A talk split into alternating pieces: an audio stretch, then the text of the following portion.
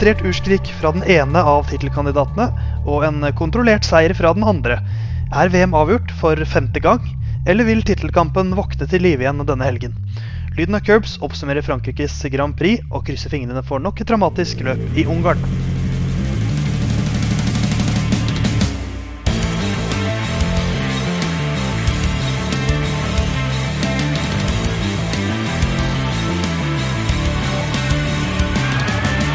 Formel 1-sesongen dundrer videre. Sommerdelen, kan vi si det, nærmer seg slutten. Det er snart sommerferie. De har ett løp til, så er det en litt lengre pause.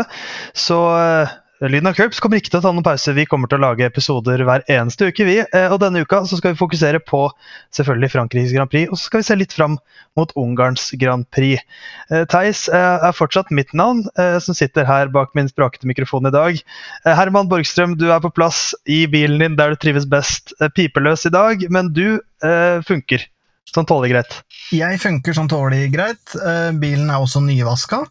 Merker Oi. ikke noe til det hvor jeg sitter uh, inne i bilen, for så vidt. Men nei, det er ikke så mye å klage på akkurat og nå om dagen, altså. Nei, og du er jo flink til å finne ting å klage på. Ja, der er jeg nok i toppsjiktet i Norge.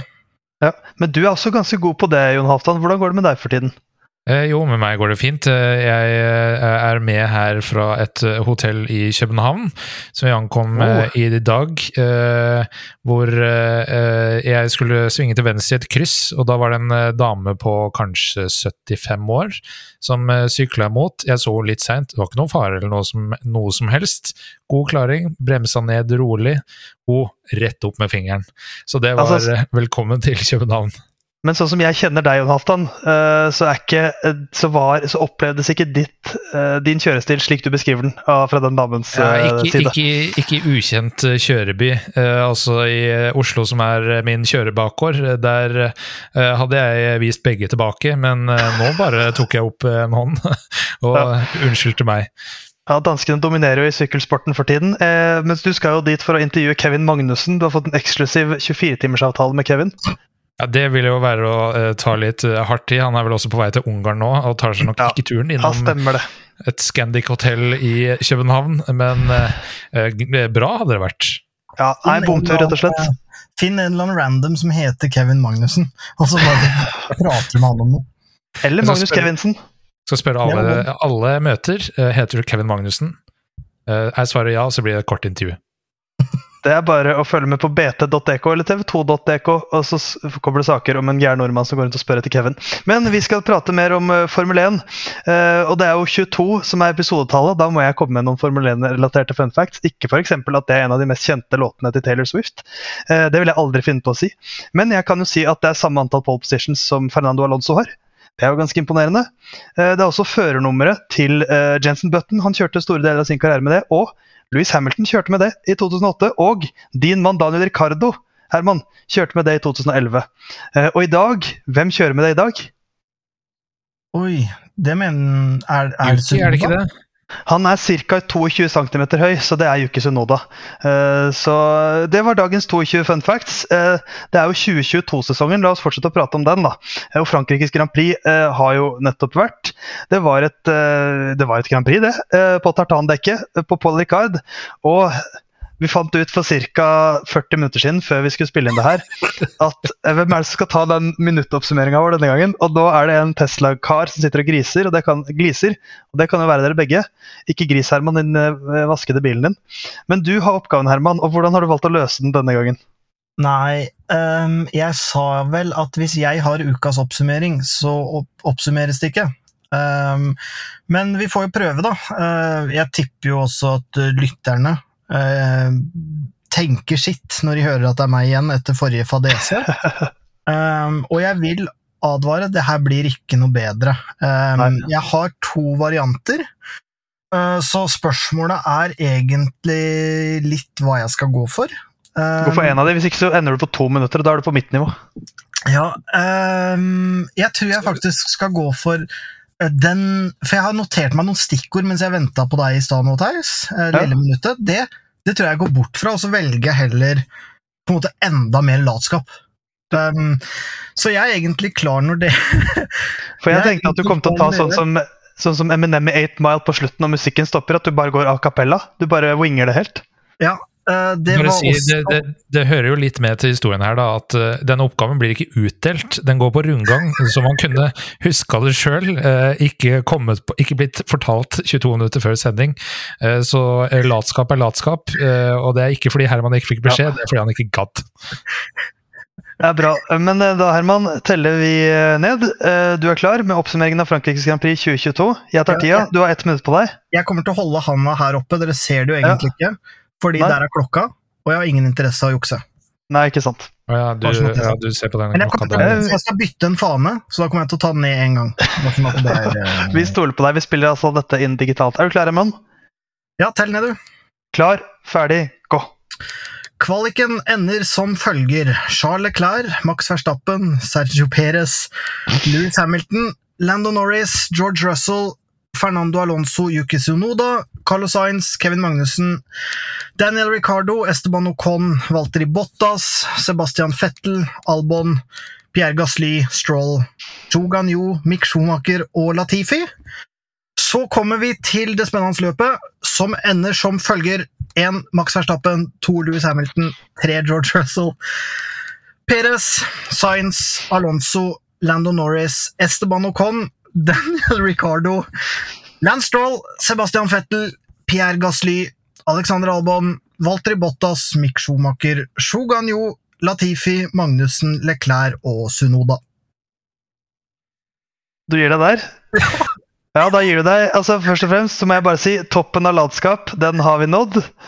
Eh, og det er det signert Herman Borgstrøm, eh, som har klart å bruke 51 sekunder på å lese opp resultatlista fra kvalik og fra, eh, fra, løpet. Så latskap skal straffes hardt, og det straffes da med ni sekunder bom, Herman. Så smekk på pungen din, og så fortsetter vi. Så får vi heller oppsummere litt mer eh, underveis i, i, praten vår. Ja, du, der... trekker, ja, vi må jo trekke fra ni sekunder. Hæ, hvorfor det? Eller altså legge til ni sekunder straffetid. Nei, nei. Sånn ender på eh, da På 40? 15. Eh, ja, det syns jeg er riktig. Eh, altså Neste er at du bare sier 'start', og så venter du 60 sekunder og sier 'slutt'. Eh, og jeg, jeg, blir jo beskyldt for å bli mer og mer radiostemme jo lenger ut jeg kommer. Herman ble høyere og høyere. Som, ja, men nå, nå, forlater vi, nå, forlater vi, Hermans latskap, og så forsvinner vi inn i Frankrikes Grand Prix. Uh, og Jeg har lyst til å begynne med en som ikke fullførte, men som jeg føler definerte. Eh, løpet, og det er Charles Leclerc. Eh, han satt eh, P1, han selvfølgelig, som han alltid gjør nesten. Tok beste tid, og så driter han seg ut og krasjer. Og hva skal vi si, Jon Halvdan, om en monegask som jeg egentlig bare har lyst til å gi en varm kopp med te og legge et pledd over? Ja, altså hva skal man si? Eh, det skriket sier uh, jo ganske mye eh, om hvordan han synes om egen innsats der. altså, den svingen da som han kjørte ut som er sving 11, det er jo en sving som Ferrari gjorde veldig bra gjennom hele Eh, helga, var det mye av der de henta liksom fordelen vis-à-vis -vis Red Bull. Eh, og det ble jo også litt hans eh, bane, fordi han er jo en fører som vil mer og mer, pushe grensa og grensa, og det er jo ofte greit å gjøre i free practice, men det har de jo ikke gjort i det siste. og her tok han jo tabben sin og fant grensa midt i løpet, og da er jo helga over. Du gir bort 25 poeng til Max Verstappen, og på mange måter kan man si at ja, Det er ikke over før det er over, men uh, det ser liksom litt uh, tøffere ut. og han er jo knallhard med seg sjøl. så er spørsmålet da om Ferrari kanskje er riktig miljø å gjøre sånne tabber i. Fordi ja, når Mattia Binotto kommer med pekefingeren etter Silverstone-løpet, så føler man jo kanskje at man ikke har øh, føler seg så godt ivaretatt i Ferrari, og så gjør man sånne tabber fordi man pusher øh, så langt man klarer. Jeg så at uh, Nico Rosberg mener jo at ikke det nødvendigvis var en førerfeil, og at det var altfor tidlig uh, for Leclerc å ymte frampå det, i, det, i det intervjuet han gjør. Og det er også litt spekulasjoner rundt det her med uh, The Throttle, som han nevner før det her skrekkfilmhylet, som var ganske um, ekstremt å høre på. Um, så jeg ser blant annet at Nico Rosberg sier at det var at ikke det gir noen som helst mening å kjøre ut på den måten han gjorde, når han ikke pusher maks. Han driver og sparer dekk, eh, sier han. Um, sier også noe om downforce fordi det kan komme litt vind der, og at uh, han ikke skjønner hva som skjedde med motoren. Uh, it only takes a little bit of a cut or something that can kick out the rear og mener at eh, Ferrari må se mer på det her, da, og at uh, åpenbart da, at Leclerc burde også sett mer på det før han eventuelt uh, tok skylda. Så det kan jo være mer til det her enn det vi vet, og det kan jo igjen også være politikk, altså at Leclerc ikke skal si noe mer negativt om bilen, alle de tinga der, så det blir jo spekulasjoner, selvfølgelig, men det er ikke gitt at det var så svart-hvitt som det virka, da. Men spiller det egentlig noen rolle, eh, sånn mentalt sett, hvem sin skyld det var når han legger all skyld på seg selv? Eh, det, det, er litt det jeg sitter og tenker på. Sånn, når, når, du ser andre førere gjøre feil, så sier de altså Louis Hamilton gjør feil, så beklager han seg veldig, og hører, det høres inderlig ut. Men det går ikke så inn på han, og jeg føler at eh, Charlie Clair har vel nå sagt at han, han skal stenge seg helt inne eh, fra omverdenen. Og bare, altså han skal bare være hjemme og ikke være i kontakt med folk nærmest før de drar til Ungarn. Uh, han, er, han er altså så Han har utvilsomt liksom ferdighetene når det kommer til det rent sånn bilkjøringstekniske. Men jeg, jeg, begynner å lure på har han egentlig den mentale styrken som trengs for å bære et, et tittelhåp, da, Jon Halvdan? Hva, hva, tenker du om, om den mentaliteten hans? Han, det er det han bør jobbe mest med. Det er det han mangler. Ja, og så er det jo noe med det at eh, sånn som da Verstappen eh, kjørte ut i Spania, vel å merke lite, da, så det, var det vind, eh, sannsynligvis. Eller han kunne i hvert fall skylde på det. Mens her er det litt sånn Det kan ha vært vind her også. Det kan ha vært en spike i turtall på motoren. At den var litt treig med å gå ut. Nå har vel Ferrari har jo i utgangspunktet sagt at det var ikke tilfellet, og de kan jo sjekke telemetrien ganske uh, raskt også etter løpet. Så uh, det, det, er jo blitt forklart uh, litt som en umiddelbar konspirasjonsteori som dukka opp. For sannsynligvis fikk han ikke bilen ned i turtall etter han krasja. Men, men, uansett, altså, dette er jo sånn, et uhell det er litt vanskelig å forklare som noe annet enn jeg vet ikke, dropp i konsentrasjonen, Uh, hvis, hvis, det er førerfeil, da, ikke noe sånn her uh, ja, jeg var litt for uh, rask der, eller sånn der, eller Det er liksom vanskeligere å finne ut av. og Leclerc er jo ofte en fører som vil litt mye, og da Det er jo sikkert noe av det som gjør han såpass god, så enten så må man tillate de her feila, eller så må man liksom roe ned det litt, med fare for at han blir en dårligere fører. Jeg vet jo fra min noe begrensa idrettskarriere, men eh, på middels nivå i håndball, så har jeg alltid vært sånn at eh, hvis det betyr veldig mye for meg, altså når jeg var yngre, satsa veldig, eh, prøvde liksom å bane meg en vei framover, da, så var jeg ofte nervøs før kampene. Var veldig sånn, det var veldig viktig for meg, og da spilte jeg som regel dårlig. Og var generelt dårligere. Når jeg på en måte ga mer F. da, eh, Kamper som var eh, typ avgjort, og så kom man inn på slutten. Da kunne jeg liksom, da kunne jeg gjøre det veldig bra. da. Eh, sånn at det er jo noen mentale ting og ulike personligheter som spiller inn òg. Det kan jo hende f.eks. at ja, Sånn som Bottas, da, som eksempel. Eh, sleit jo kanskje litt med det i Mercedes og har jo i hvert fall i starten av sesongen gjort det veldig bra i Alfa Romeo. Det kan jo være mentalt, det kan være andre ting. Samme med, med Leclerc her nå. at at han med en gang han føler litt på det presset, eh, og at han legger det på seg sjøl, så kan det hende han da gjør enklere feil. At det, det, rett og slett blir for viktig for han da. Um, og det, kanskje, det, var jo sikkert derfor vi også hadde Science foran Leclerc. Eh, i, eh, på, på, grunn av, ikke fordi vi er så geniale at vi hadde forutsett det her, det mener jeg ikke. Vi, vi gikk jo tilbake på det alle sammen nå, eh, så vi, tro, vi sto jo ikke i det. men pga. til nå i karrieren, da, så har han de der voldsomme svingningene, mens uh, Science f.eks. er mer en uh, Smooth operator?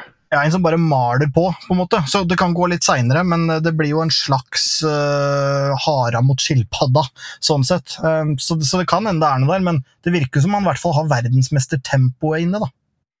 Ja, altså På rått talent, så er jo, eh, eller hvis man kan si det, altså rå pace, så er jo Leclerc eh, raskere enn Science. Men Science han er jo veldig metodisk eh, til verks når han skal finne ut av hvordan skal jeg bli raskere, bedre. Det, er de små detaljene. Og eh, samtidig ikke en sånn Gasli henge seg for mye opp i data, men jobbe veldig målretta for å bli generelt raskere. Og han hadde jo god pace denne helga her, også egentlig bedre enn eh, Leclerc, så det er nok litt det Leclerc også har kjent på, at han må eh, gi ekstra. Eh, for spørsmålet var jo eh, var vi forbi Altså På det tidspunktet så var Verstappen uansett i utgangspunktet den som leda løpet, fordi uh, pit-avstanden også det kunne være flaks med safety car, eller de kunne hatt bedre dekk mot slutten. Så han hadde jo en del å kjøre for, bl.a. å ta vare på dekka. Eh, men også levere uh, riktige rundetider. Så ja, det er litt sånn vanskelig å si hva det er som uh, har skjedd her, annet enn at det er nok en Leclerc-tabbe som understreker noen av de poengene vi har hatt også i forkant av sesongen. Det virka jo som Ferrari hadde en litt annen strategi enn Red Bull, eh, om det var å avslutte på raskere dekk, eller om det var at de tippa at Red Bull skulle tostoppe og at Ferrari gikk for én. Så sto jo Ferrari ganske godt i det med Leclerc den tida han kjørte, i hvert fall. Så det virka som de hadde en, en plan, men eh, det røyk jo da når Leclerc eh, han fant veien i veggen isteden. Han gjorde det. Uh, og siden Australia så har jo nå Science tatt tolv poeng mer enn eh, Leclerc totalt sett. Uh, og Australia var jo det, det tredje løpet i sesongen, så jevnt over etter det så har Science plukka flere poeng. Den som da har plukka selvfølgelig aller flest poeng, er jo Max Verstappen, som gjør alt riktig, stort sett, og har nå 63 poeng å gå på. og etter Frankrike så kan vi vel si at VM er over for er det femte gang i år, da? At, uh, at, man kan si at VM er avgjort. Vi har gått litt fram og tilbake. Jeg føler vi må si det igjen nå. Ja, Det er vel fortsatt ti runder igjen, så eh, Leclerc kan vinne alle, og Verstappen uh, ender på andreplass alle, og Leclerc vil vinne. Nå er jo det nokså usannsynlig, men over er det ikke over, enda før Eh, vi, det må være, Er det fem runder igjen med 60 poeng, da begynner vi liksom å snakke. Eh, men uh, enn så lenge så det, lever fortsatt litt, og det syns jeg også at vi må si, i og med at vi vil ha interessen om Formel 1 uh, oppe. Så for min del er det i hvert fall ikke over enda. Det er som han indiske eieren i uh, Som hadde Force India, altså. Hva han mener da han, han, han sitat men du vet jo at det er han som har funnet opp det? Ja, han, han har et saying han alltid pleier å si, som da viser seg å være It ain't over until the fat lady sings. sånn at uh, det er vel det er, Han har vel rett der, da. Men om det er hans sitat, det er jeg heller usikker på. altså. Ja, Det er altså Vijay Malia, som han vel het. Uh, som er den kjente mannen bak det sitatet. Jeg føler ikke det er, det, det er, ikke så mye å si om det løpet til Max Verstappen. Det blir jo litt sånn når han får ledelsen og, uh, og man ser at det er andre biler som er litt ute av det, så, så, er det ikke så mye å ta tak i. Jeg syns det er mer interessant å se da på uh, Mercedes. Louis Hamilton og George Russell plutselig Eh, dobbel podiumplassering til Mercedes. Eh, nærmere og nærmere seier, Herman, som, som vi har spådd. Ja. Og Hamilton jo... nok en gang på podiet. Ja, det, jeg syns det ser, uh, ser, mye bedre ut nå, men samtidig så er det jo Det er jo på et eller annet tidspunkt Hvis, hvis man Det kommer an på hva man sammenligner med. For hvis man sammenligner med hvordan de så ut i starten, uh, så ser det jo veldig mye bedre ut nå, og særlig i race. Men hvis man sammenligner med de som vinner løpet om dagen, uh, som Verstappen, så ser det jo helt forferdelig håpløst ut. Sånn at uh, det kommer litt an på hva man ser med, men det skulle ikke forundre meg at hvis din, de regelendringene som er uh, spekulert i og hva skal jeg si, foreslått, uh, og som Mercedes presser litt fram på, det skulle ikke forundre meg at det er det som på en måte mangler for Mercedes. At de eh, hadde trengt at, eh, at man må hente gamerterminologi nerfe eh, Ferrari Red Bull litt. At det da hadde vært helt, eh, helt, jevnt. Så det ser jo bedre ut, og jeg tror vi får se Mercedes på toppen av pallen i, eh, i et løp i år. Men, men, ser det så ille ut i forhold til eh, Verstappen og, og Red Bull? For jeg, jeg syns jo at de har i mye større grad nå enn i sesongstarten Glimt, hvor de har veldig bra pace. og så detter den litt bort i løpet av løpet. Eller, men, men, jeg syns at ganske ofte i flere løp på rad nå, så har de ikke et helt løp, men de har kanskje en fjerdedel av et løp eller et stint hvor, det, hvor de har veldig bra pace. Uh, og det hadde de ikke i starten, Jonathan, så de er jo nærmere. Ja, altså de er litt nærmere, uh, men det er jo en, eh, en, en, målskive som flytter seg. Også her er de uh, sammenligna med Verstappen, altså Hamilton-Verstappen. Uh, Peres uh, for seg her nå. rundt ja, altså hva, hva, var det, var sju-åtte tideler i kvalik, og rundt tre tideler per runde i løp. Eh, og så ser det ut som eh, at eh, Hamilton klarer å holde følge med Verstappen mot slutten av løpet, men det er her kjører vi kun det vi trenger, ikke raskere enn vi må for Verstappen. Så det er derfor luka ikke blir Den ender på rundt ti sekunder. Men bedring er det jo absolutt sammenligna med starten av sesongen, men så er det jo også da en eh, målskive som uh, flytter seg kontinuerlig. Fordi det er ikke sånn at Red Bull og Ferrari står stille, og det, det kommer de ikke til å gjøre. Så lenge Mercedes fortsetter å utvikle bilen, så vil nok også Red Bull og Ferrari gjøre det, fordi da er det penger igjen. Men mot Peres i, i, på søndag, som Eh, sleit veldig ulikt seg selv å ta vare på dekka, så hadde Hamilton Altså Russell hadde Nei, Peres hadde lite å stille opp med mot Hamilton, og Russell hadde jo noen Eh, ganske mange runder med en duell der, til han eh, gjorde det bedre under eh, restart etter den virtuelle sikkerhetsbilen. Og det var visst en greie med at førsteleddet i restartprosedyren brøyt sammen, så Peres hadde ikke noe gode, god nedtelling. Han visste ikke helt hva deltaen sin var eh, idet de skulle starte igjen, og derfor ble starten så forskjellig som den ble også. Eh, pluss at det så ut som Peres ikke var klar, men jeg tror det skyldtes derfor. Sånn klassisk unnskyldning fra barneskolen eh, da man hadde balleker og man alltid skyldte på at jeg var ikke klar. Eh, ja, det, det, var alltid en sannhet med modifikasjoner, men, men det er jo et poeng her òg. Men, men, men, var det den samme feilen hos Russell? Det er jeg usikker på, uh, ja, okay. men Uh, uansett så var det, det var en problematikk med at han ikke så deltatida si, uh, Russell. Ja. Uh, Peres. Men så, hvis vi ser på Mercedes, da, apropos det å makse bil, de er på en måte det motsatte av Charles Leclerc sin mentalitet. På de siste løpene så har de tredje- og fjerdeplass. Altså hvis, hvis vi begynner i Aserbajdsjan, tredje- fjerdeplass, tredje- fjerdeplass, og så tredje og en DNF fordi George Russell ville ta vare på en kollega. og så tredje- og fjerdeplass, og så andre- og tredjeplass. Så de er jo ekstremt stabile. Absolutt. Og det, en, eh, det har jo Will Buxton lært oss i Drive to Survive, Herman, at det er veldig viktig. Å være reliable. Ja, det er jo det. Og det er jo eh, i den Plutselig, hvis det skjer noe med Verstappen, da. Hvis det hadde skjedd noe med Verstappen i Frankrike, så hadde jo dobbel Mercedes vært der.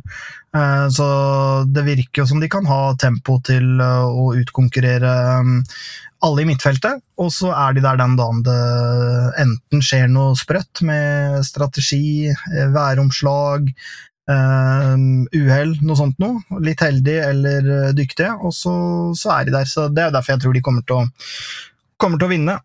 Jeg syns det er deilig å se at når Louis Hamilton slutter å kjøre med litt sånn eksperimentelle setups osv. Jo, han er ganske rask. Eh, fire tredjeplass på rad, og så, nei, tre tredjeplass på rad og en andreplass. Det, det er fortsatt liv i gutten.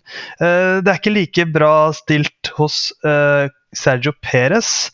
Han har for vane nå å ikke fullføre annethvert løp.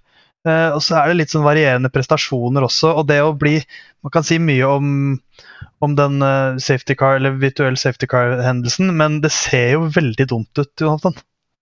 Eh, det gjør det om uh, altså det, man, det, er jo litt som å bli dratt ned buksene på og så løpt forbi. Uh, er jo litt sånn det ser ut. Og da kan du si 'jeg var ikke klar'.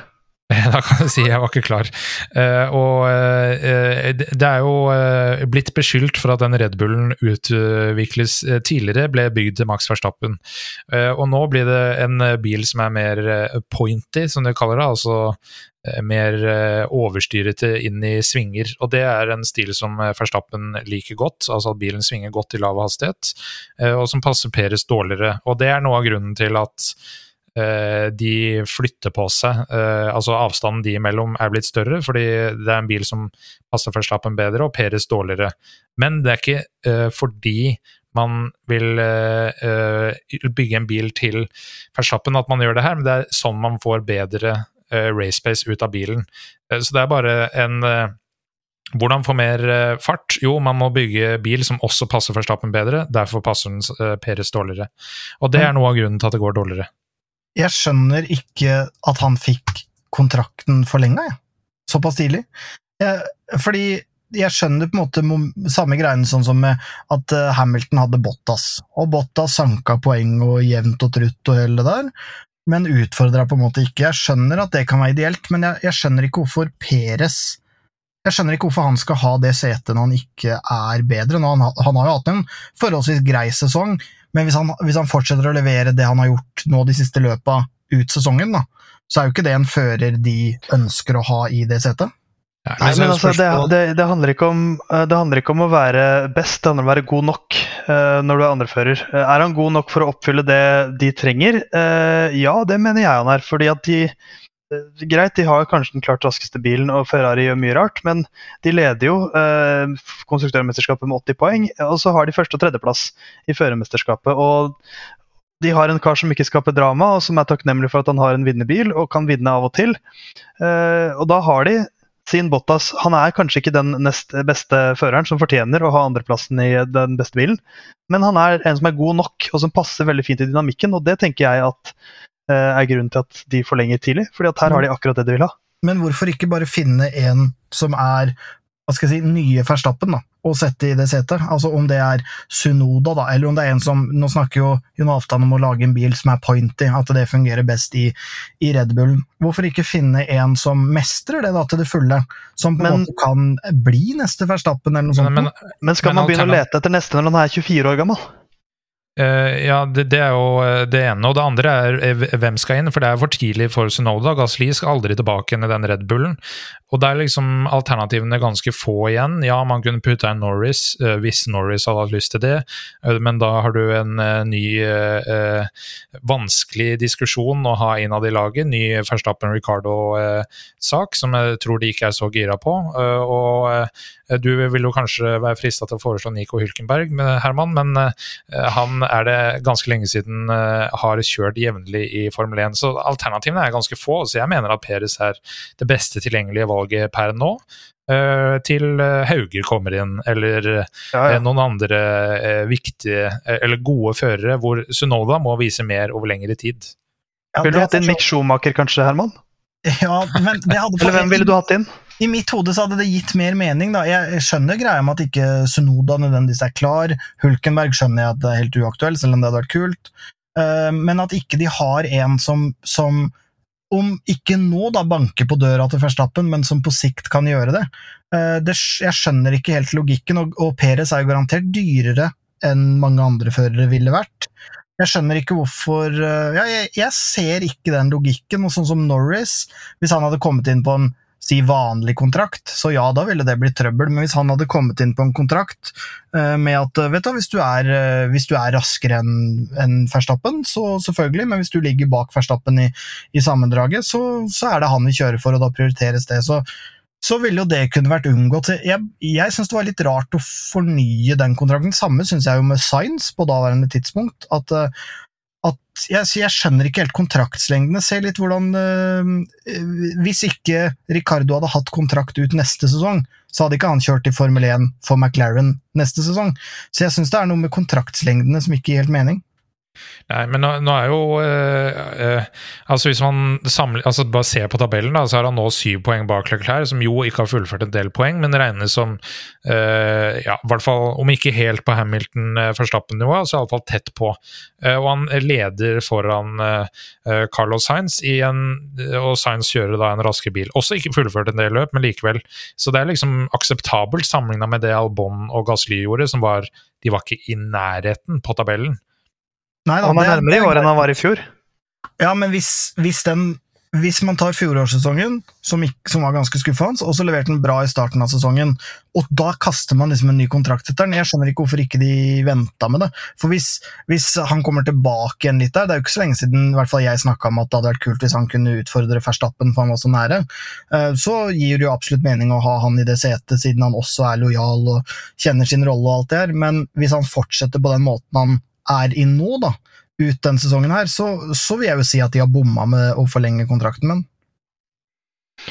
Ja, vi får uh, se om Herman får rett. Det har vært en dårlig utvikling for Perez med, med to brutte løp på de siste fire, og så fjerdeplass nå i Frankrike. Det, det, var kanskje ikke akkurat det han trengte. Uh, det som uh, Carlos Sainz ikke trengte da han skulle prøve seg på en forbikjøring, var en beskjed fra sin engineer om at 'nå skal du inn, Carlos'.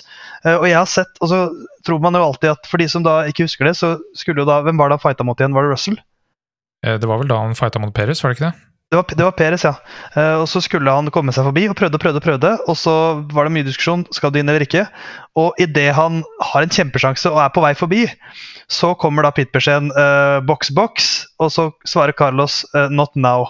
Og så tror man jo ofte at disse er veldig sånn delay på disse radiobeskjedene. Men hvis du ser jo... på onboard-kameraet, så var det ikke veldig mye delay. Altså. Det var idet han var i ferd med å kjøre han forbi.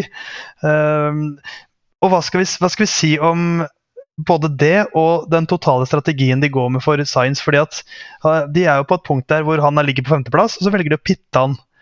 Eh, og får raskeste runde, men får jo da femteplass likevel. Og det var også da, når de tar han inn, det klart beste de kunne få til.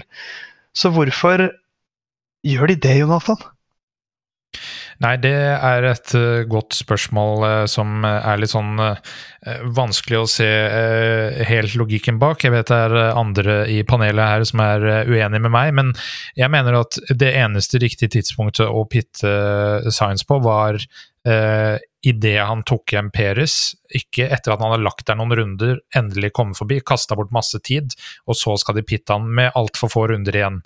Da mener jeg at eh, da kjører vi heller på og ser hvor langt vi kommer med de dekka vi har igjen. Og Gasly pitta ganske tidlig, uten at jeg kan si akkurat eh, uh, runde på det, men kjørte om uh, tilsvarende runder på mediumdekk uten at det var noe uh, sikkerhetsproblematikk knytta til det. Så jeg mener at det er en tabbe av Ferrari. At det ble verken fugl eller fisk, nok en gang. Som de også hadde i Monaco med Leclerc. og så kan man jo si at resultatet ble jo det det sannsynligvis kunne blitt. Eh, men eh, på det, da, det, tidspunktet da, så hadde han eh, nok pace til å iallfall nærme seg fem sekunder og kanskje en tredjeplass. Ja, jeg, jeg syns jo selvfølgelig timinga er litt rar, fordi um, det, det, er litt rart å ikke prøve å se hva de dekka kan holde til hvis man først skal ta opp kampen mot Peres, og når han på en måte ender opp med å vinne den kampen mot Peres, og så bare strekke våpen og gå inn Altså, hvorfor da utsette seg for en risiko med den forbikjøringa når det da endte som det endte? Så akkurat timinga skjønner jeg, eh, men når, eh, når eh, han først har fått den femsekundersstraffen, og er på det eh, tidspunktet foran Perez, så ser ikke jeg noe Jeg kan ikke se for meg at han skulle klare å kjøre ifra han med fem sekunder på dårligere dekk. Så jeg tror jo egentlig de vant ett poeng på det her, fordi jeg tror ikke han hadde klart å holde, komme seg forbi Russell, og ikke Perez, eh, med fem sekunder.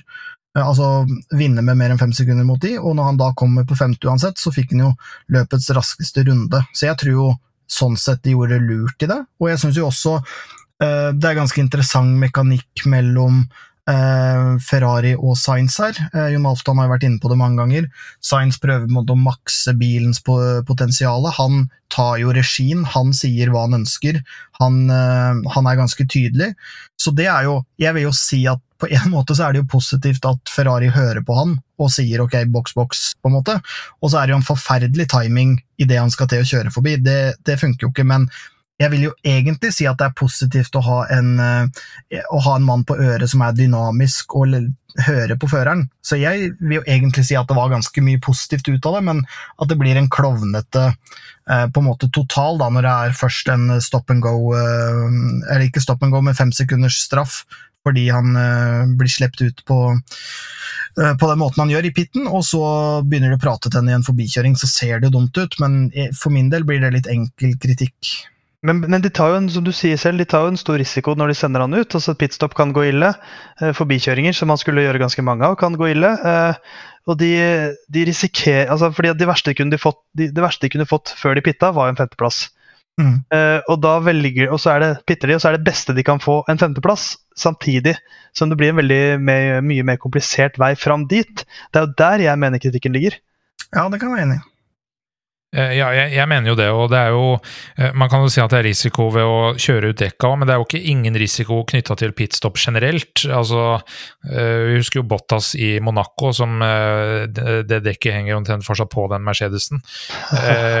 Så, så det er jo Jeg, jeg syns det blir, blir veldig rart. og det er litt sånn, ja, Man kan si at det er en dynamisk eh, race engineer som hører på Carlos Sainz, men det virker som at han, eh, mens Sainz er midt i en forbikjøring, så driver han og kikker på Race Strategy 3000-maskina si, istedenfor å følge med på hva som faktisk skjer med føreren.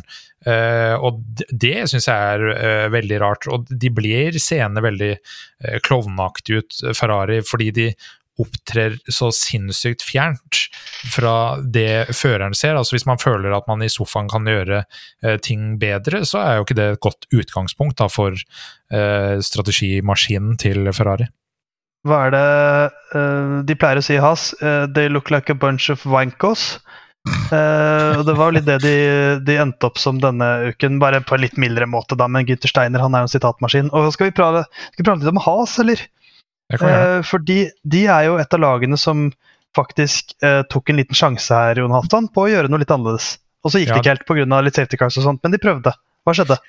Uh, ja, de uh, regnet med at uh, det, dette kom til å bli to stopp, og det uavhengig av safety cars så virka det som at det var lite aktuelt, fordi Eh, Pit-deltaen var rundt 28 sekunder, altså at du taper 28 sekunder på pittet, og det er rundt uh, 8, uh, minimum 6 til 10 sekunder, eller 8 sekunder uh, treigere enn det det er ellers uh, på andre baner. men de valgte i hvert fall å pitte veldig tidlig til da harde dekk. Uh, og da safety car kom ut, da Leclerc måtte kaste inn håndkleet etter å ikke ha uh, fullført svingen, så uh, ble det jo da et nok en gang stusslig resultat for Has. Så er jo spørsmålet da, skal de prøve alternative ting, eller skal de gjøre sikre ting? Og jeg mener jo at i deres situasjon så er det riktig å likevel prøve på alternative ting. Bli seende litt fjollete ut akkurat den helga her, men heller det enn å gjøre akkurat det samme som alle andre. 100% enig, men Herman, burde de eh, prøve å kanskje gjøre litt mer forskjellige ting med de to bilene sine? Ikke liksom kjøre de ganske likt? Ja, Mikse litt mer? Ja, det vil jeg nok si. Og det er jo en ting jeg syns var litt morsomt også med, med, reglene som var i fjor, at man starta på de dekka som, eh, som man uh, Altså at man starta på de dekka som man kvalifiserte med i Q2 hvis du gikk videre og de tinga der, fordi uh, det gjorde at de raskeste førerne ofte kunne starte på litt andre dekk enn de som ikke var så raske, og, og de tinga der. Fordi, og det kan man fortsatt gjøre nå, eh, men det blei litt mer tvunget fram før. Fordi de som ikke nødvendigvis var sikre på å kvalifisere seg videre, tok de valga i kvalik, da, hvor de prøvde. Um, sånn at det blei, det blei kanskje ikke nødvendigvis én løpsstrategi som var åpenbart best for alle, fordi noen rett og slett ikke kunne starte på det. Eh, så jeg savner jo litt at laga prøver å splitte og gjøre litt forskjellige ting. Jeg syns det er litt rart f.eks. å ha så å doble her, um, så jeg skulle likt å se flere bruke andreføreren. Sånn som jeg sa jo på uh, forrige løp som var, at uh, jeg ikke kunne skjønne at, uh, at ikke Science burde, etter sprintløpet, da, at ikke Science burde begynne på softs å prøve å ta den starten, eh, fordi Verstappen prøvde å eh, Kjørte jo veldig langt over mot Leclerc, eh, og da kunne, hvis Sainz hadde fått en bra start da, tatt førsteplassen på softs og liksom kommet seg forbi begge de to mens de fighta, da. Så sånne ting syns jeg hadde vært litt morsomt å se, men det er jo sikkert en grunn til at de ikke gjør det, og at jeg sitter i en Tesla og snakker om at det kunne vært lurt.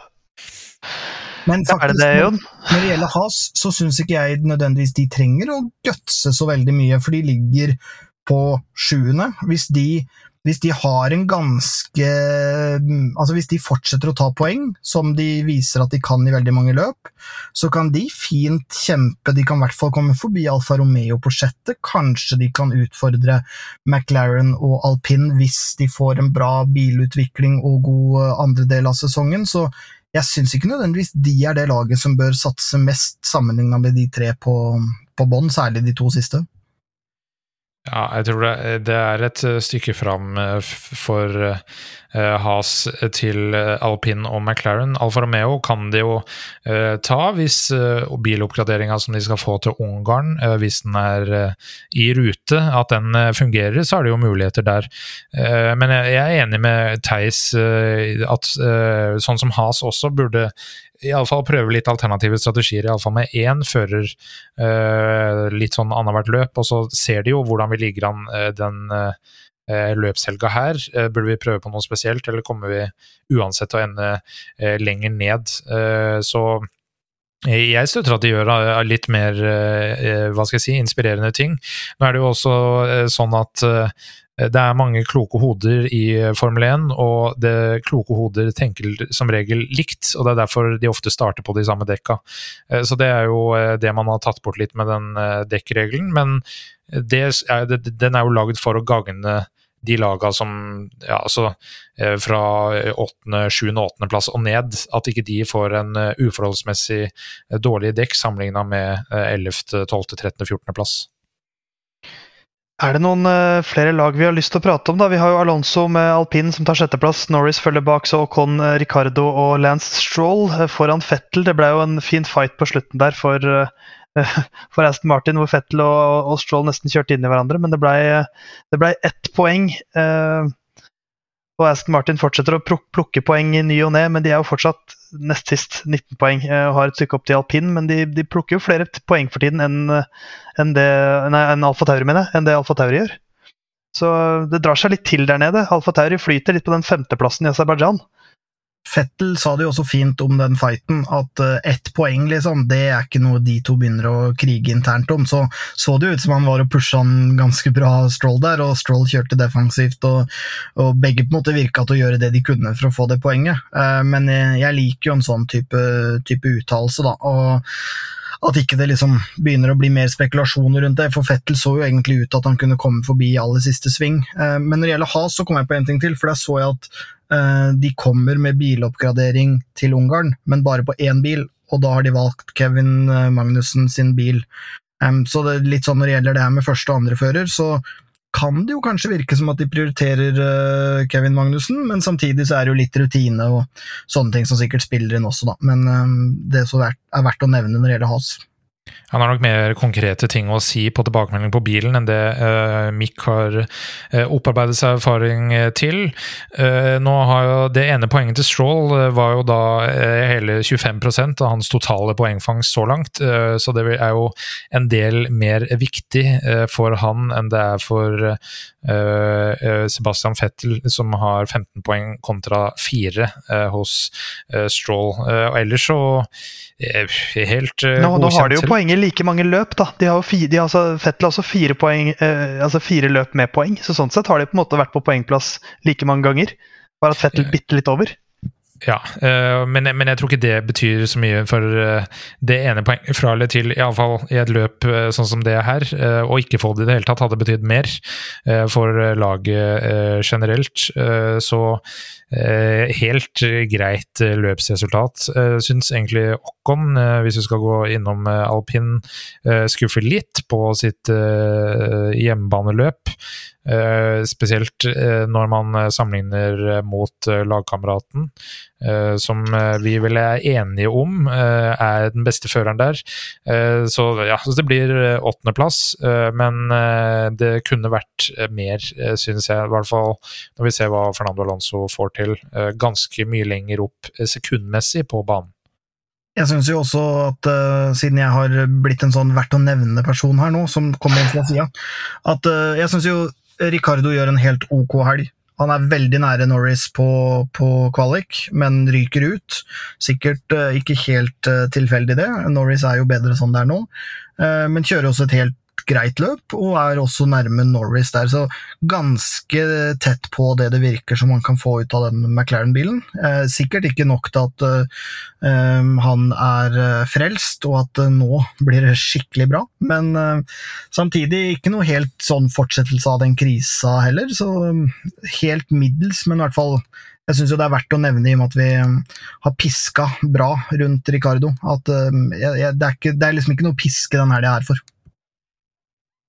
Nei, helt kurant helg, men ja, det er, det er fortsatt litt bak Norris, men bedre avstand enn kortere enn den har vært tidligere, iallfall.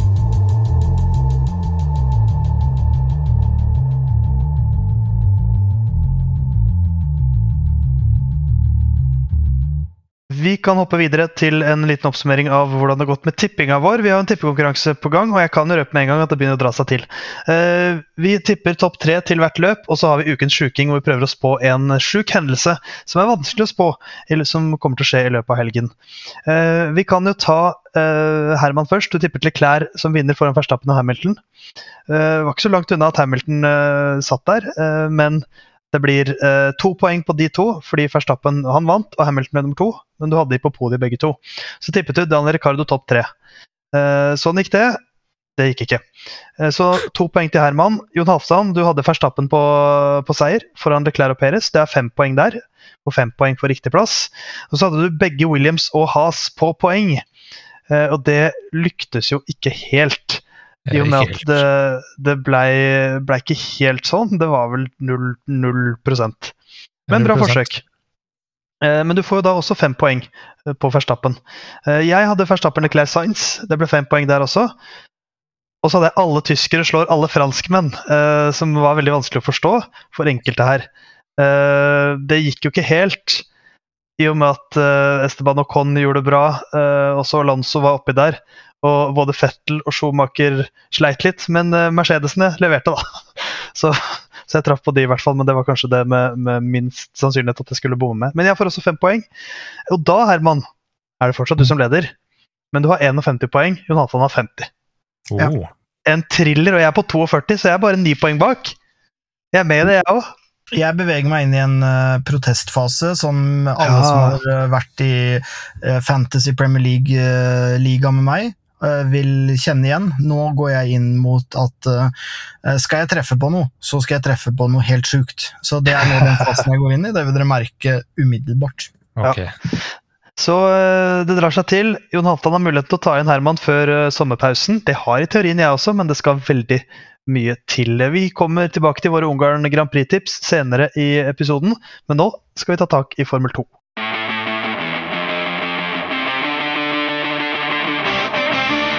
Formel 2-sesongen ja, den fortsatte i uh, Frankrike, uh, og det gikk egentlig ganske dårlig. Uh, bilen ville ikke helt i kvalik, og Dennis ble nummer 18 i kvalifiseringen. Dennis Hauger, altså. Og i sprintløpet nummer 12 kjørte seg litt opp men ikke poengplass. Og så kom hovedløpet, der det ble krasj. Og så kom han seg inn i pit og klarte å fortsette, men ble da nest sist av de som fullførte, så 16.-plass. Så summa summaring, summa summaring, som jeg sier, eller summa summarum, som de fleste sier, eh, så var det en ganske elendig helg. Uh, igjen, må vi si, for Dennis Hauger. Så uh, ja det er, det er ikke så mye å skryte av. Nei, det er ikke så mye å skryte av. Uh, altså det uh, eneste lyspunktet uh, kan man vel si er at neste helg er Ungarn som, og Hungaroring, som ligner mer på Monaco. så da kan det jo hende at det er mulig å gjøre noe bedre der. Han vant jo sprintløpet i Monaco, så jeg ser fram mot neste helg er vel det eneste positive man kan si etter den helga her, og også at det bare er en uke til ja, det fortsatte jo litt uh, symptomatisk for uh, Dennis Dahauga, som jeg kaller den. Uh, hvor, hvor, han får to sjanser på å kvalifisere bra. Um, kvalifiserer ikke bra på sitt første run, ikke bra på sitt andre, og så teknisk trøbbel, som gjør at han ikke får Um, prøvd på et tredje, som på en måte uh, er sikkert teamets feil, da, i, uh, på en eller annen uh, måte, og samtidig som han heller ikke gjorde det bra nok sjøl. Så det, jeg føler at det er ganske sånn symptomatisk, og så kan han klemme til med voldsom racing og gjøre det bra seinere, men um, det er jo en jeg syns ikke han har øh, det, Og jeg har blitt en sånn som sager Dennis Hauger, som jeg ikke helt vet hvorfor, men jeg har jo bare flytta alt fokus fra Mick Schumacher. Men jeg syns ikke det virker som han er rask nok, og jeg syns ikke det virker som han er stabil nok. Å høre hjemme i Formel 2, det virker sånn. Så det er liksom, så, så, lenge ikke det skjer noe spesielt, så, så, blir det sånne rapporter som det her, i hvert fall fra, fra meg. Men jeg så løpet, da, selv om jeg egentlig hadde sagt uh, i forrige episode at uh, det skulle jeg ikke, fordi jeg venter til han er i Formel 1, var vel noe sånt jeg sa litt flåste. Det slaktes og slaktes i Teslaen. Uh, vi kan jo ta en liten sammenlagt oppsummering. for Jeg skal ikke lese hele, sånn som Herman ville gjort, men vi kan si Drogovic leder med 173 poeng foran Theo Porcher. Ganske likt mellom de to og poengfangst i, um, i Frankrike. 134 nå på Theo Pocher. Logan Sergeant på 118. Eh, Jean Daruvala, som er på en måte den vi lenge har sagt at vi skulle gjerne sett Dennis der. Han plukka bra med poeng, er uh, på 94 poeng, fjerdeplass nå. Dennis nede på 11.-plass med 67 poeng. Det er fem løpshelger igjen for Formel 2. Uh, eh, Ungarn er neste, som sagt. Um, og jeg tenker at hvis Dennis får hvis han klarer å få to gode helger igjen da, resten av sesongen, som ikke er bare sånn ok, men to skikkelig gode helger. Så eh, jeg, jeg syns allerede at den Formel 2-debutsesongen her er godkjent. Eh, han har vist mer enn nok til å få en plass der neste år også. Mens hvis, hvis han har to skikkelig gode helger til, da vipper jeg han kanskje opp fra terningkast fire til fem, da, eller noe i den duren. Eh, og gjerne poeng i hvert løp herfra ut, det hadde jo vært gøy, men det, det er mye å be om.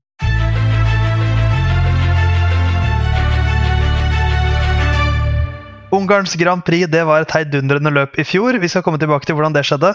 Men først, Jon Halvdan, kan ikke du ta oss gjennom eh, banen? Jo, det kan jeg gjøre. Det er jo da Ungarn, eller Hungaroring. Den er 4381 meter lang, fordelt på 14 svinger. Det skal da kjøres 70 runder. Banen har eh, to DRS-soner, én eh, ned målstrekket og, etter, eh, en etter første sving ned til sving to. Og det har samme detection point, de to DRS-sonene. De tradisjonelle forbikjøringsstedene er inn i sving én eller sving to, men man kan også kjøre forbi inn i sving tolv. Den beskrives jo ofte som Monaco uten vegger. Og apropos førernummer 22, så er det her en bane som er kjent for å være vanskelig vanskelig å kjøre forbi, men Jensen Button, altså fører nummer 22, vant sitt første løp her i 2006 etter å ha starta på 14.-plass. Så det var min lille Herman-fact på slutten der. Men da har vel Herman sikkert skrudd seg av, så han fikk vel sikkert ikke med seg hva som ble sagt. Men, eh, men, det får så være. Men du husker kanskje hva som skjedde der i fjor, Herman? Eh, for da var det jo eh, Louis Hamilton som starta i, i pole position. Og så blei det et veldig veldig spesielt løp. Der det var noen som spilte bowling i første sving. Eh, Valtteri Bottas som tok den jobben, tok ut eh, Verstappen. Det endte med at eh, Mazepin, Norris, Bottas, Perez, Leclerc og Stroll i løpet av løpet i løpet av de første tre rundene så var de, de ute. Uh, var vel Stroll som tok ut Leclerc, tror jeg. Ja, det, kan, ja, stemmer, stemmer. Og så endte det med til slutt Esteban Ocon som vant foran Louis Hamilton. Uh, og Carlos Sainz, selv om Sebastian Fettel kom i mål på andreplass, var det vel? Mm. Eh, og så var det mangel på altså, drivstoffeksempel, eh, eller drivstoffprøve, som trengs etter målgang. Som det ikke var nok bensin, rett og slett, igjen. Eh, men det var jo et veldig veldig, veldig spennende løp. Et godt et sånn peak eksempel på at regnvær kan skape kaos og spenning. Eh, men det var kanskje et unntak til hva det pleier å være i Ungarn?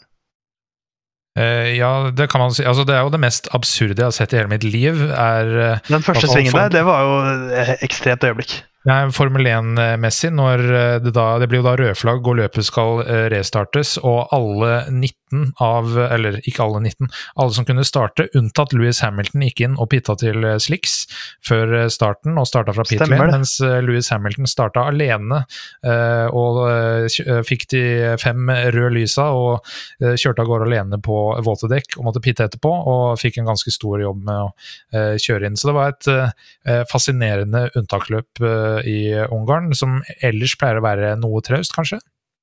ganske spektakulært òg i den situasjonen hvor på en måte rolig Hamilton virka. Eh, du, du, hører at han er stressa og at han ikke er happy, men det er liksom sånn Jeg husker han spør noen sånn er liksom, Har alle gått til soft? Og du bare skjønner at han skjønner For han sier vel et eller annet også at vi burde vært på soft, og så sier han liksom Er alle på soft? sånn, eller til, til, ikke regndekk, da. Jeg vet ikke om det var soft spesielt, men Sliks. når han da skjønner at, uh, at han er aleine der Nei, det er noe helt nydelig, men forholdsvis rolig for det, da. Og begynner jo bare å, å jobbe deretter, men uh, Nei, det, var, det er et helt sprøtt øyeblikk når han står aleine på startstreken der. så et løp som leverte virkelig i, i, fjor. Det er kanskje ikke det samme vi bør forvente nå, men uh, det er meldt regn på lørdag. Uh, og ganske mye regn i morgentimene, så hvis vi er heldige, så, det, så dyttes det regnet litt utover dagen, sånn at det preger kvaliken. Uh, men hvem, hvem, passer denne banen best for, Jon? Det er jo litt Monaco Light. Er det da Perez som skal herje her? Uh, ja, nå var det vel ikke Peres uh, eller Red Bull uh, generelt, til tross for seier, som hadde race pace i Monaco. Det var Ferrari. Så jeg tror dette er en bane som kler Ferrari bedre enn Red Bull. Det er mye svinger, som betyr at deres Eh, gode, eller raske akselerasjon ut av svinger eh, kommer til eh, sin rett, og det er ikke så mye langstrekk der Red Bull får utnytta sin høye topphastighet. Så jeg tror at her skal det i hvert fall være vanskelig for Verstappen å sette pole position. Den tror jeg går til Charles Leclerc. og Eh, forutsatt ingen fuckups, eh, som er eh, ikke så lett for Ferrari. Så kan det fort vekk være en 1-2-seier til Ferrari også her. Og det hadde betydd mye nå som Charles skal holde seg hjemme og leve litt sånn asketisk, kanskje. Eventuelt drikke seg bort inn mot Ungarn. Og det, ja, Hvis dette blir en sånn Verstappen runaway, da, hvor Leclerc blir nummer to eller tre eh, eller fire eller fem, eh, som han sikkert eh, heller blir, hva skal vi si da, Herman, inn i sommerpausen? Med tanke på uh, Hele greia. Ja. Hele greia? Nei, jeg fikk jo et inntrykk av at uh, VM er avgjort sist, men samtidig, uh, hvis Verstappen bryter ett løp mer enn Leclerc i, i, andre halvdel av sesongen, så er det veldig åpent. Hvis Verstappen bryter to løp mer enn Leclerc neste halvdel, så er det jo absolutt vidåpent. Så som Jon Halvdan var inne på, det kan holde for Leclerc å kjøre, rett og slett kjøre raskere enn Verstappen i alle løp, men det er klart at vi bør se noen, vi bør se noen problemer for Max og Red Bull etter hvert her. Eh, får vi Louis Hamilton opp, og kanskje han eh, kan være litt mindre sympatisk og litt mer sånn eh, som Red Bull-fans faktisk oppfatta han i fjor. Uansett om det var riktig eller feil, men så, hvis man får han opp på det nivået hvor Red Bull-fansen så han i fjor, da kan jo litt av hvert skje, så det får vi jo kanskje håpe på, da. Eller så kan bare ja. Bottas gjøre som han gjorde i fjor, i første sving. Eh, ja, det kan han jo absolutt eh, gjøre. Da, eh, kvalifiseringsmessig så vil han nok da ta med seg litt flere. Selv om han fikk med seg ganske mange i, i fjor. Endelig, Latifi! Endelig er det din sjanse! ja, men det forutsetter vel at det skal være litt regn på søndagen, og det er det vel ikke meldt. Det er også meldt ganske høye temperaturer. Så er det jo et spørsmål da om dette er jo en bane som ligner litt mer på Monaco, og er nok litt mer humpete enn det Frankrike er. Så det spørs hvordan det fungerer for Mercedes. De har vist seg ganske dårlig kvalik, eller i hvert fall bedre enn resten, men dårligere enn de beste, og litt nærmere i løp. Så jeg tror kanskje avstanden vil være litt større her. Eh, sammenlignet med når eh, vi skal til eh, Belgia etter sommerpausen. Men det gjenstår å se. Jeg tror det er klar fordel Ferrari for meg i forkant av løpet her. Om det er noen utfordrere utafor topp tre, det tviler jeg litt på.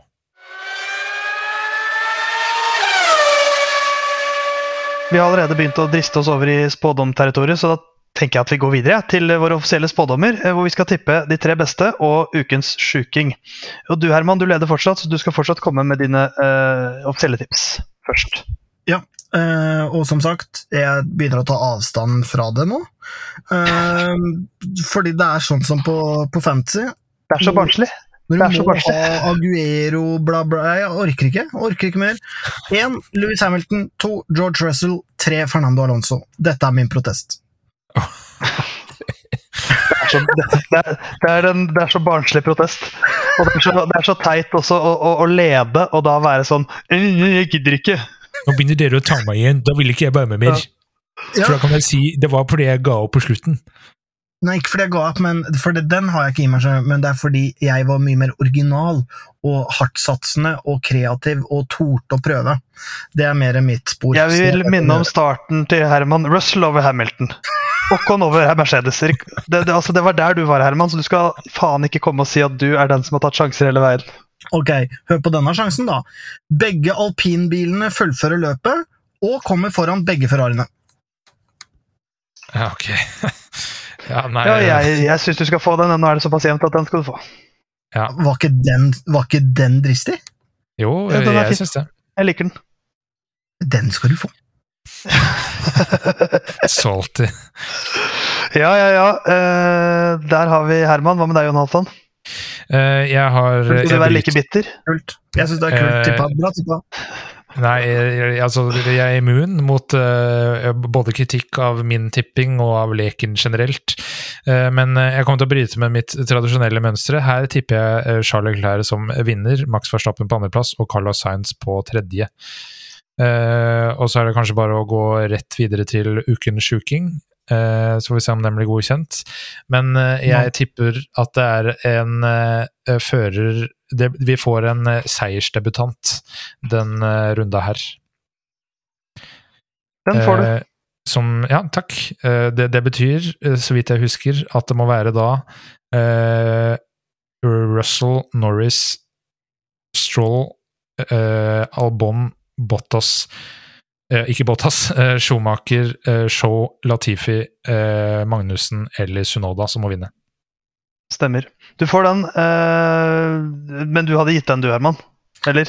Eller er du såpass bitter at du ikke hadde gjort det? Nei, men, men det er jo en joker der. eh, For han kunne jo like gjerne sagt eh, Russell vinner, på en måte. Um, og så garderer han den med å slenge med Norris og krydre litt sånn, så jeg ser, ja, vi, kan, Vi kan, vi kan ta debutant bortsett fra Russell. Jeg, ser, jeg ser hva du holder på med, Jonathan, og jeg godkjenner den. Jeg godkjenner men jeg ser hva du holder på med. Jeg eh, speiler Jon Halvdan sitt vinnertips på Charles Leclerc. eh, og så sier jeg at Ferrari strikes back og Carlos Sainz blir nummer to. Og så blir Louis Hamilton nummer tre. Tar nok en podieplassering. Så ingen Red Buller på podiet. Og, det går litt over i eh, min ukens sjuking, som egentlig har som grunnlag at Red Bull får en dårlig helg, og at Has sin oppgradering på hvert fall én bil funker som heia. Så jeg har skrevet Has tar flere poeng enn Red Bull. Ok, Jeg godkjenner ja, det må Som lag. Lykke til. Takk for det. Og med det så, så tror jeg vi sier takk for oss. Uh, Lyden av Curbs er tilbake neste uke med en uh, oppsummering av Ungarns Grand Prix. Da er vi vel Eh, tilbake i studio. Ja, det håper jeg. Jon Halvdan, hva skal du gjøre fram mot neste episode av Lyden av Curbs? Eh, Da skal jeg være litt her i København jeg er, og så litt i Stockholm, og se litt løp, og dra tilbake til Oslo. Hva med deg, Herman? Skal du sitte i bilen din hele tiden og være bitter? Um, jeg drar nok med meg en del bitterhet gjennom uka. Uh, det er nok uh, naturlig å tenke seg, men uh, fortsatt i vakre langgangen. Uh, opplevde for første gang i dag å fiske i mer enn 20 minutter uten å få fisk, så kanskje jeg skal revansjere det uten at jeg er noen fisker. Det er egentlig noe av det kjedeligste jeg vet. Bare på fotballbanen? Men det var det Ja, der fisker jeg litt. Men det var det jeg kom på. Uh, og så er jeg såpass proff, da, uh, i motsetning til Halvdan, at uh, hva skal du gjøre, Theis? Siden jeg spør deg. Tusen takk. Jeg skal kommentere Tour de France 5 eh, i jobben min, eh, som er kvinnes Tour de France. Og så skal jeg eh, se litt på Formel 1 og være i Oslo. Det er mitt liv oppsummert. Egentlig hele året. Eh, Men Lyden av Curbs, følg oss på Instagram. Eh, Vi lager litt innhold der av og til. Eh, Vi får se om Herman blir flinkere til å produsere innhold etter hvert. Og så tips gjerne, en, tips gjerne en venn hvis du liker det vi holder på med. Vi er tilbake neste uke. Kos deg med Ungarns Grand Prix.